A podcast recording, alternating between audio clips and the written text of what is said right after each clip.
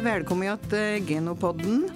I dag skal oss ha om brunst og fruktbarhet, altså det å få ny kalv i kua. For ut av kalv i kua så blir det ikke noe mer mjølk heller. Og her i studio så er det programlederen og Mari Bjørke, som er kommunikasjonssjef i Geno. Og så er det redaktøren i Buskap. Rasmus Langre. Ja, Og gjestene våre i dag, det er jo Vilde Grande Kvale. Hei. Hei, ja. Og en Knut Ingolf Dragseth. Hei, hei. Ja, Dere er både veterinære i Geno og kan alt. Som en Rasmus og jeg vil lure på i dag. Ja, det forutsetter vi. Vi får se, da. Ja. Jeg ser i hvert fall veterinærer i Geno. Men Knut Ingolf, vi kan begynne med deg. Altså, Det er mange faktorer som påvirker dette med å få, få kalv i kua. Men hvis vi begynner med på en måte hullet på kua, liksom i hvor god stand kua er, kan du si noe om og det har slags betydning for, eh, for et vellykket resultat?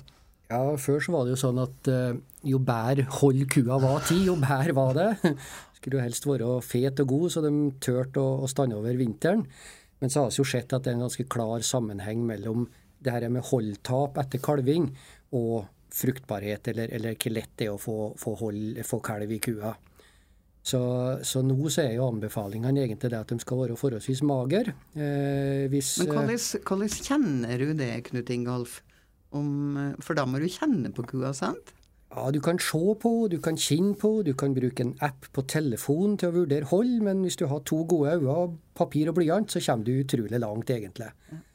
Så det er det å vurdere holdet. Men, men det er fint å, å ta på kua òg. Det er det, Vilde. Jeg er ikke bestandig helt enig om hvilket hold kua har. Det er jo det som er litt sånn spesielt med denne holdvurderingen, da. Fordi at det, man må kanskje finne litt sånn sin individuelle måte å holdvurdere på. Og det er kanskje ikke alltid man kommer fram til akkurat det samme tallet. Mm. Men så lenge man har sin måte å gjøre det på, og bruker på en måte den skalaen, så er kanskje det det Tallet. aller viktigste. Hvilket tall prater du om da? Ja, da snakker vi om en holdpoengskala, da. Er det som en sånn eh, BMI på tobeinte, da, omtrent? Ja, man kan si det litt sånn. Litt sånn grovt sett, kanskje. Eh, men det er en enkel skala. Det er eh, da egentlig Vi snakker om holdpoeng mellom to og fem, som regel. Ja, skalaen går jo fra én til fem, og, og anbefalingene er jo at kua skal være rundt tre til, til tre og en halv. Sånn noenlunde hele laktasjonen. Eh, Men når skal du begynne liksom å planlegge opp mot du vet hvordan du vil ha kua i høll når hun kalver, men, men nå tidlig må du begynne å planlegge dette for at du skal være gunstig i forhold til fruktbarheten? Egentlig så, så, må du begynne i slutten til forrige laktasjon. Det er da du legger grunnlaget for hvor lett det er å få kalv til kua igjen i neste laktasjon. Eh, skal du slanke kua, kua har blitt for fet, så, så koster det litt å slanke henne uansett. Når det koster minst, det er den siste delen av laktasjonen.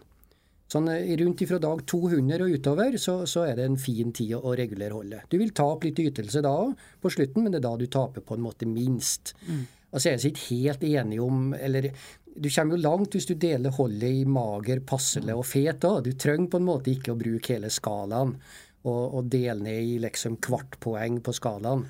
Men hører jeg, Vilde, at dere sier at det er mange som har litt for fete kyr? Det er vel, eh, hvis man skal tenke historisk, så er vi vel nå på et eh, stadie på både mennesker og dyr hvor vi har mye tilgang til energi, da. Hvis vi kan si det så enkelt som det. Og det gjør nok også det at vi ser sånn all over i Norge, så er det nok et større problem med for feite kyr enn for magre dyr, som var et større problem eh, før i tiden. Mm.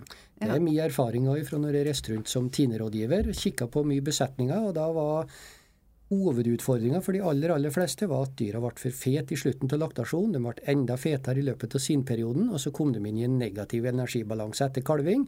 For da må kua mobilisere energi. Da har hun akkurat produsert en kalv, hun skal til å produsere mjølk. Og det å ikke greie å dekke da, det må hun på en måte dekke av det som hun tar inn via muren eller fra fòrbrettet. Ja, det må hun ta til hånda. Eh, Knut Ingolf, hvis vi prater litt videre rundt tida rundt kalving, da. Hva er det viktig, særdeles viktig å passe på da? Eh, du må jo legge grunnlaget for holdet litt tidligere. Så, så ja. når du kommer til kalving, så har du jo det, det, du har. og Da må du prøve å gjøre det beste ut av det.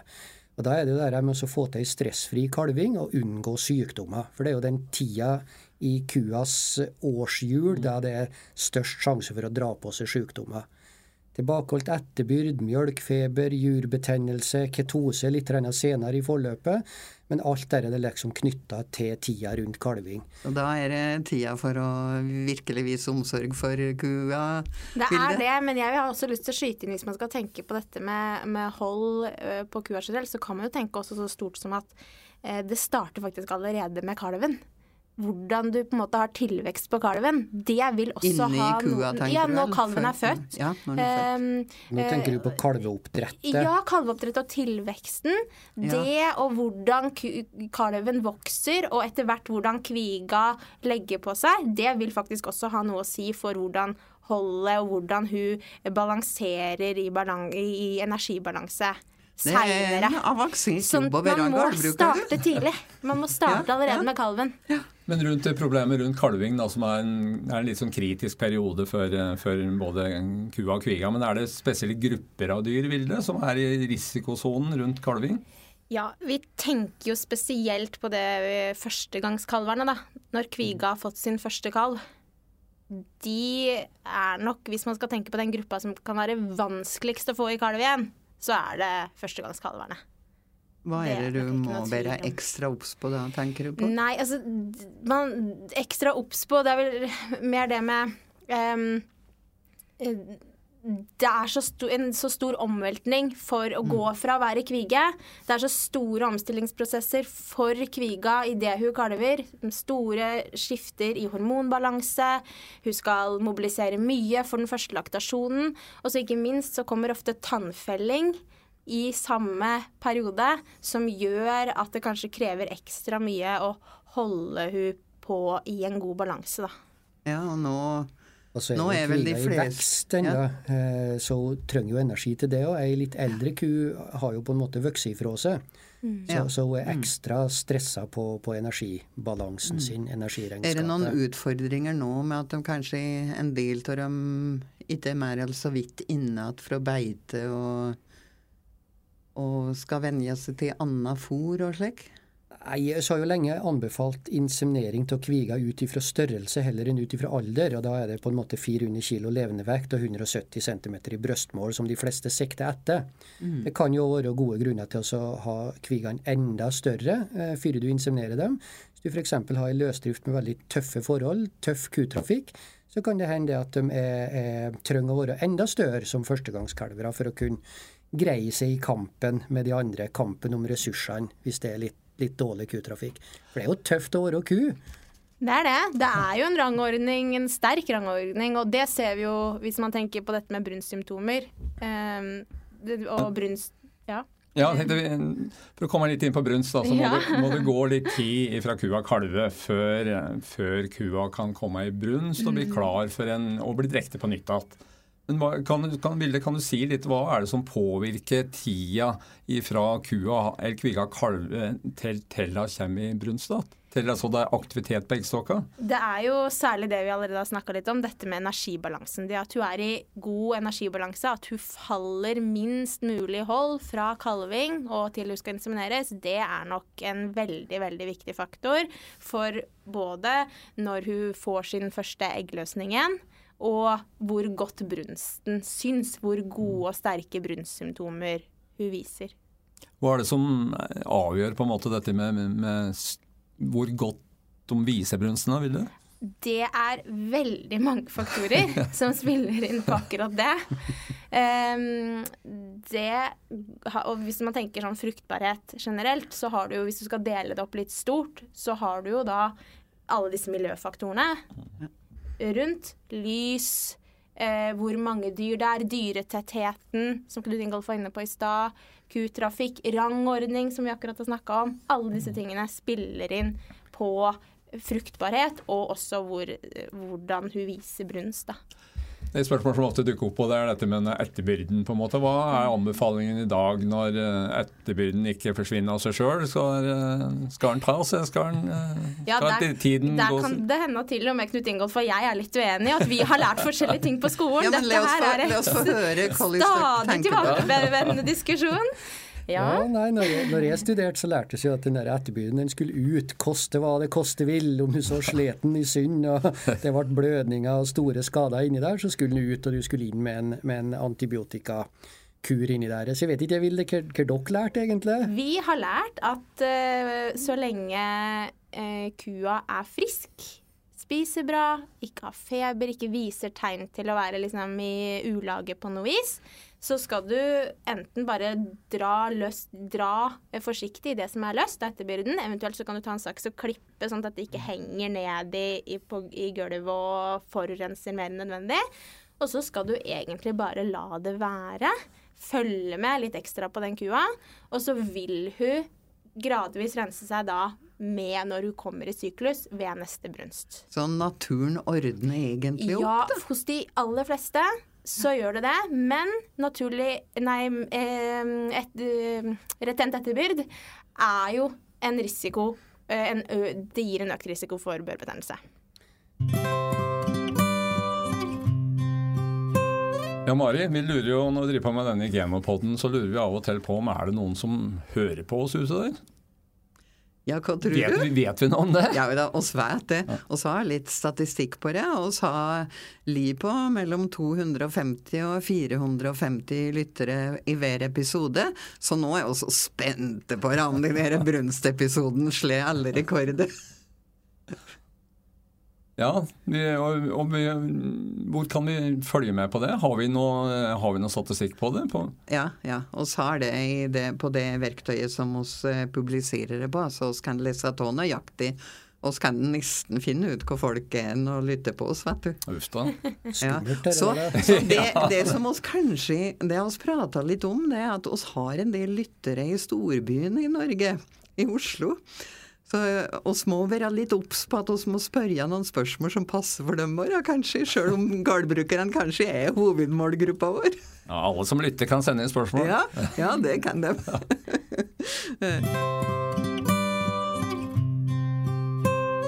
Ja, Knut Ingolf, så skal vi eh, fortsette litt med, med brunst og brunsttegn. Eh, Kan du si litt om forskjellen her mellom eh, kyr på båsfjøs og i løsdrift? Ja, det er jo mer de, de klassiske brunsttegna som man kikker etter på båsfjøs. Dette her med, med hevelse, rødme av slimhinne, sliming og blødning. Og så er det jo en del som gjør det vi kaller for å sale seg. da, Sale seg på trøndersk. Jeg vet ikke hva det heter i Gudbrandsdalen, Marie? Nei, da rir dem, da. Ja, det blir to, to litt forskjellige nei, ting. Sale, ja, du tenker Hva tenker du med det? da? Når, dem- når du plystrer bak henne, eller legger oh, ja, hånda ja, oppå ja. ryggen hennes, så senker hun ryggen, og så letter hun litt sånn på halen, og da er jo tida akkurat riktig. Da, vet Ja, du. da er hun vi som passelig. Ja. ja. Eh, altså På Båsø så skjer det jo ikke så mye av det her som du er inne på, Mari, med riing, og det at de står for riing. Og så har vi jo en hel rekke med ja, nye, da, men, men i hvert fall brunsttegn som er lettere å se i løsdrift og på beite. Vet ikke, jeg vil det der med sagg, det er vel kanskje noe som kan, kan appellere litt til bybefolkninga. Ja, Ja, Sagg må dere forklare hva SAG Ja, sagg må vi forklare. Ehm, Det SAG står for seksuelt aktiv gruppe. Ja, det Eh, kan vel gjelde det alle arter, kan kanskje? alle arter. Vi, Det er ikke så spennende som det høres ut før. da. jeg må jo si at I min klasse så var det faktisk en kollokviegruppe som kalte seg for SAG, så man kan jo lure på hva som skjedde der. Ehm, så ja da. Men, Det får oss overlate til det fantasi. får vi overlate til fantasien. Men eh, når det gjelder ku, så er jo denne seksuelt aktive gruppen den, Det er en gruppe med dyr som gir og mottar brunsttegn over tid, og er i nærheten av hverandre over tid. Alle individ har jo en sånn sone rundt seg, sånn intimsone, og der liker de å slippe inn andre. Det er liksom litt sånn klamt hvis det er noen du ikke kjenner godt som kommer innenfor intimsona di. Og Sånn er det med, med kyr òg. Utom én periode i, i, på en måte i syklusen, når de er rundt brunst, da slipper de andre dyr inn i intimsona si. Og Det er jo det som danner grunnlaget for det her SAG-gruppene. At det, Og det- og da- Ingolf, er det er flere dyr som går sammen, flere kyr som går sammen slik, da, hvordan, hvordan kan det være dem som egentlig er brunstig, og for noen som bare blir med litt på leken? Ja, Det kan være en utfordring. Eh, og som da må du prøve også, også se litt nøyere på det her. Så må du prøve å finne ut hvem er det som på en måte er sendere, og hvem er det som er mottakere av oppmerksomhet. Og sånn generelt sett, hvis du skal si det litt enkelt, så er de som er sendere, det er de som er kanskje rett før brunst, eh, helst, eller kanskje også rett etter brunst, men ikke der det er helt ideelt tidspunkt. Mens de som er mottakere, er de som på en måte er eh, mest nær eggløsning. Så hvis man greier å finne det punktet der kua går ifra å være sender til å bli mottaker, da er det ett av de brunsttegna som forskning viser at det er tettest sammenheng med når det skjer, og eggløsningstidspunktet. Men da kan, kan dere bruke noe tilleggsinformasjon for å observere noe, eller for å finne ut hvem som er i hvilket stadium? Ja, akkurat for å finne når du går fra sender til mottaker, da må du nok observere, være god på det, bruke øynene. Men det, det finnes jo mye hjelpemiddel. F.eks. aktivitetsmåler. Det er jo et, et godt hjelpemiddel, Vilde. Mm, det er absolutt et godt hjelpemiddel eh, for å kanskje se hvem av de i en sånn gruppe som er i høyest aktivitet, hvem som har nådd eventuelt topp på denne aktivitetskurven som vi snakker om. Eh, men når vi er inne på dette med mottaker og sender, da, så syns jeg også det er viktig å påpeke i forhold til ridning, for det er jo et veldig mm. sterkt brunsttegn. Og da er det jo eh, sånn at eh, det har jo i mange, mange år vært veldig stort fokus på dette med ståbrunst. Mm. At det er ku som er klar for inseminering, hun skal stå for andre dyr. Ja, det tror jeg de fleste ja, har hørt om. Ikke sant? Ja. Men da har jeg litt lyst til å, å si det, så, som er vi vist nå i mm. senere forskning at ei ku som er i ståbrunst, altså at hun er klar for å inseminere, hun rir faktisk også ganske mye på andre dyr. Så si at du har en ti minutters brunstkontroll om morgenen, så kan det godt hende at du ser at den kua som er i ståbrunst, bare rir. Det, men det kan fortsatt bety at hun er i ståbrunst. Og ja. det tror jeg men, er Men da er det kanskje viktig at du har notert så du vet uh, sannsynligheten, da? Ja, akkurat det. Ja. Det å følge med på, disse, på dyra ja. Eh, og så vet du at brunstkalenderen er jo fortsatt Tross alle digitale ja, løsninger, ja, så er den trykte brunstkalenderen å se på mange fjosvegger fortsatt. Ja, absolutt. Det er et veldig godt hjelpemiddel, og det, det, er enkelt i bruk. Du er ikke avhengig av strøm engang. Det er en hen som skriver, så, så har du på en måte det du trenger. Men slimen, da, det var jo i hvert fall på Bålsfjøs eh, brukt, veldig mye brukt. Men er det fortsatt et, eh, et rimelig sikkert eh, tegn? Og når, når er indikasjonen i slimet hvordan er slimet da, når det indikerer brunsten? Ja, Det jeg snakker mer om nå, da, det er å prøve å finne startpunktet for brunsten, og så, og så inseminere inne i 24 timer. Da er på en måte, spørsmålet er jo skal jeg ringe eller skal jeg ikke ringe? ja. Eller hvis du er eierinseminør, da skal jeg inseminere eller skal jeg ikke inseminere? Og hva er rådet deres da? Jo, Hvis du ser på slim da, som brunsttegn, så, så sies det at når slimet er så trådtrekkende at du kan trekke det mer enn 10 cm, da er det et godt tegn på at nå har brunsten starta. Ja, og da trekker du det mellom fingrene? Ja. ja. Eller at du plasserer støvelen i, i slimet. var det en bonde oppe i Renbu som sa det hvis vi kan dra slimet over hele resta, da er det bare ring dyrlegen. og så er det jo også disse her, det er sikkert mange som har sett disse her ordentlig sånne boblene i slimet. Hvis det er mye slim og mye sånne mm. store, fine bobler, det er jo et godt tegn for at du er klar til inseminering. Mm. Da er det bare å ringe. Ja, men, ja for, men liksom anbefaling når det gjelder inseminasjonstidspunkt da, i forhold til uh, brunstfasen? Ja, innen 24 timer bør du få, få kua ja, ja. inseminert. da. Og så har vi jo mye forskning som viser at, at det er viktigst å finne rette dagen, og ikke rette timen ja. for inseminering. Så, så ser du på en måte Kan, kan du trekke slimet over resten på ettermiddagen, så, så holder det godt til, til morgenen mm, etter, og ring da, og så be om å få kua inseminert eh, den dagen. Ser du det tidlig på morgenen, så kan det være litt skummelt å vente til neste dag, men da så ring på, og så kanskje ha et ønske om at, eh, om at du mm. trenger ikke å komme så veldig tidlig, da. Men, men som sagt, riktig dag er viktigere enn riktig tid på dagen dagen. Ikke stresse for mye, dette med Nei, du har litt å gang på. Ja. Eh, normal sæd lever jo omtrent et døgn inni kua. Spermvitalsæd, som er behandla på en litt annen måte, lever opptil 48 timer. Så altså, du har et ganske bra da, uh, Når vil du bruke den, da? Hvis du, hvis du, vet at du er for tidlig ut, ja. hvis du f.eks. ser at denne kua her skulle ha vært inseminert i morgen, men da skal jeg på fest, eller jeg skal gifte meg, eller da har jeg ikke mulighet til å inseminere henne, så kan en ta det dagen før og bruke spermvital. Ja. Så det er når du vet at du er for tidlig ut, at det er mest egnet. Mm.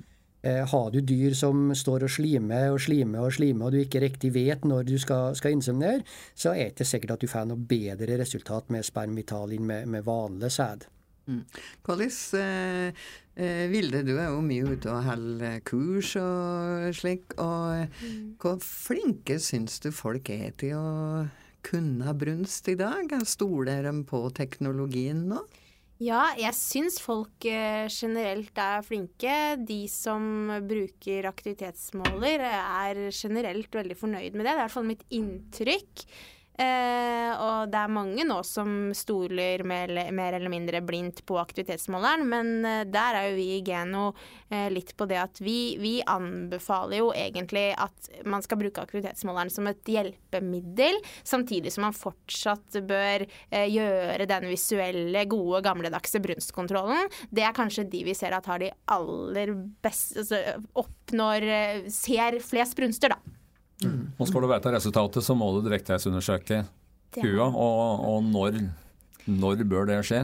Ja, det også er eh, Det er egentlig et litt eh, vanskelig spørsmål. Det kan være litt sånn fra besetning til besetning. Eh, men vi i Geno har jo en anbefaling om at man bør direktehetskontrollere før det har gått seks uker. Kua har jo en syklus på tre uker ca.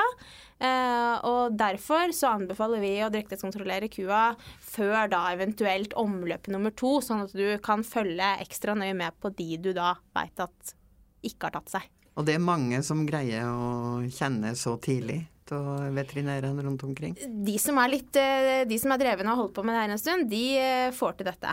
Og så har man jo også flere og flere veterinærer som kan bruke ultralyd for å eh, diagnostisere drektighet. Mm. Er det noe risiko ved tidlig ja. å gjøre det tidlig? På det, det, ja, nok en, en, eh, det er nok nesten ingen risiko at du fremkaller en abort, men det er jo en del naturlig abort, og den er jo i det området der. Så jo tidligere du drektighetskontrollerer, jo, jo større sjanse er det for at du kommer inn i den perioden da en del av de her eh, fostra blir abortert naturlig så, så, er du på en måte veldig tidlig, men da snakkes det ned mot kanskje 30 dager, kanskje ned under der òg, som du kan komme på ultralyd hvis du er god. Så, så, kan det være lurt kanskje å ta en liten kvalitetssjekk litt senere i, i, forløpet, for da kan det være noen som naturlig har abortert i mellomtida. Abortfrekvensen er jo størst tidlig i drektigheten, så detter den sånn sakte, men sikkert utover. og Etter seks uker så ligger vi vel på rundt 3-5 abort i, i, på NRF-en. Ja. Og så må vi kanskje passe på å skryte litt av den norske bonden. Det har jo ekstremt gode fruktbarhetsresultater. Så de må være flinke. Ja, det er ikke noe tvil om det. det, det de er kjempeflinke, og de er opptatt av det. Og jeg tror uh, veldig, de, ja, veldig mange bønder er, skjønner dette her med hvor mye fruktbarheten har å si på det totale. Uh, den to totale besetningsverdien, og, og, ikke minst hvordan det spiller inn på økonomi. Da. Sånn at um, Det tror jeg mange bønder er opptatt av. Mm. Da begynner vi å nærme oss slutten der, og vi tenkte sånn helt helt uh, avslutningsvis å, la dere få komme med ett godt råd for å få kalv i kua til rett tid. Hva er det beste rådet dere vil gi da? Du kunne ikke, Ingolf kan du begynne. Basert på erfaring så er det der, der altså hold kontroll på holdet, holdstyring.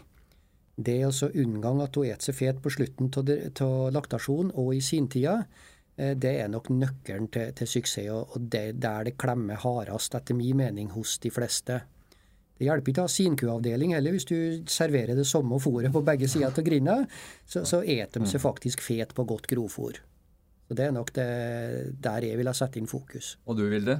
Ja, nei, Jeg har lyst til å først bare eh, I forhold til det Knut Ingolf nevner eh, Hvis man skal tenke enda litt eh, større på det, så kan man tenke at hvis man er flink på dette med hold, flink på riktig fòring, det vil faktisk også påvirke neste kalv.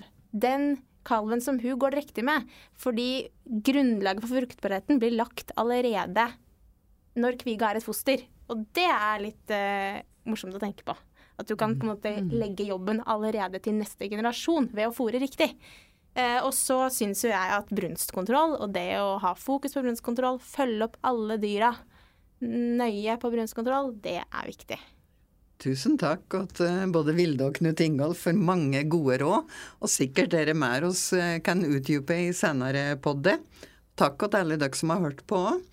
Men nå, Rasmus, vanligvis så eh, sender oss en pod i eh, måneden.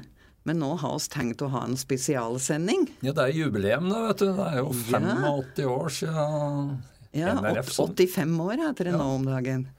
Nei. Den gangen så het det fem år.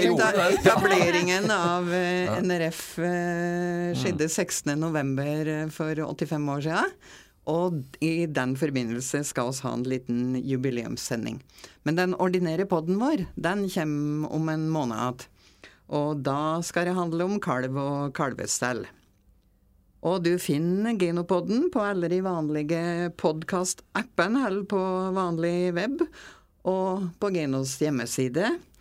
Og så ønsker nå alle som hører på oss, lykke til med både brunstkontroll og inseminering, og oss håper at riktig mange lykkes med å få kalv i kua til rett tid.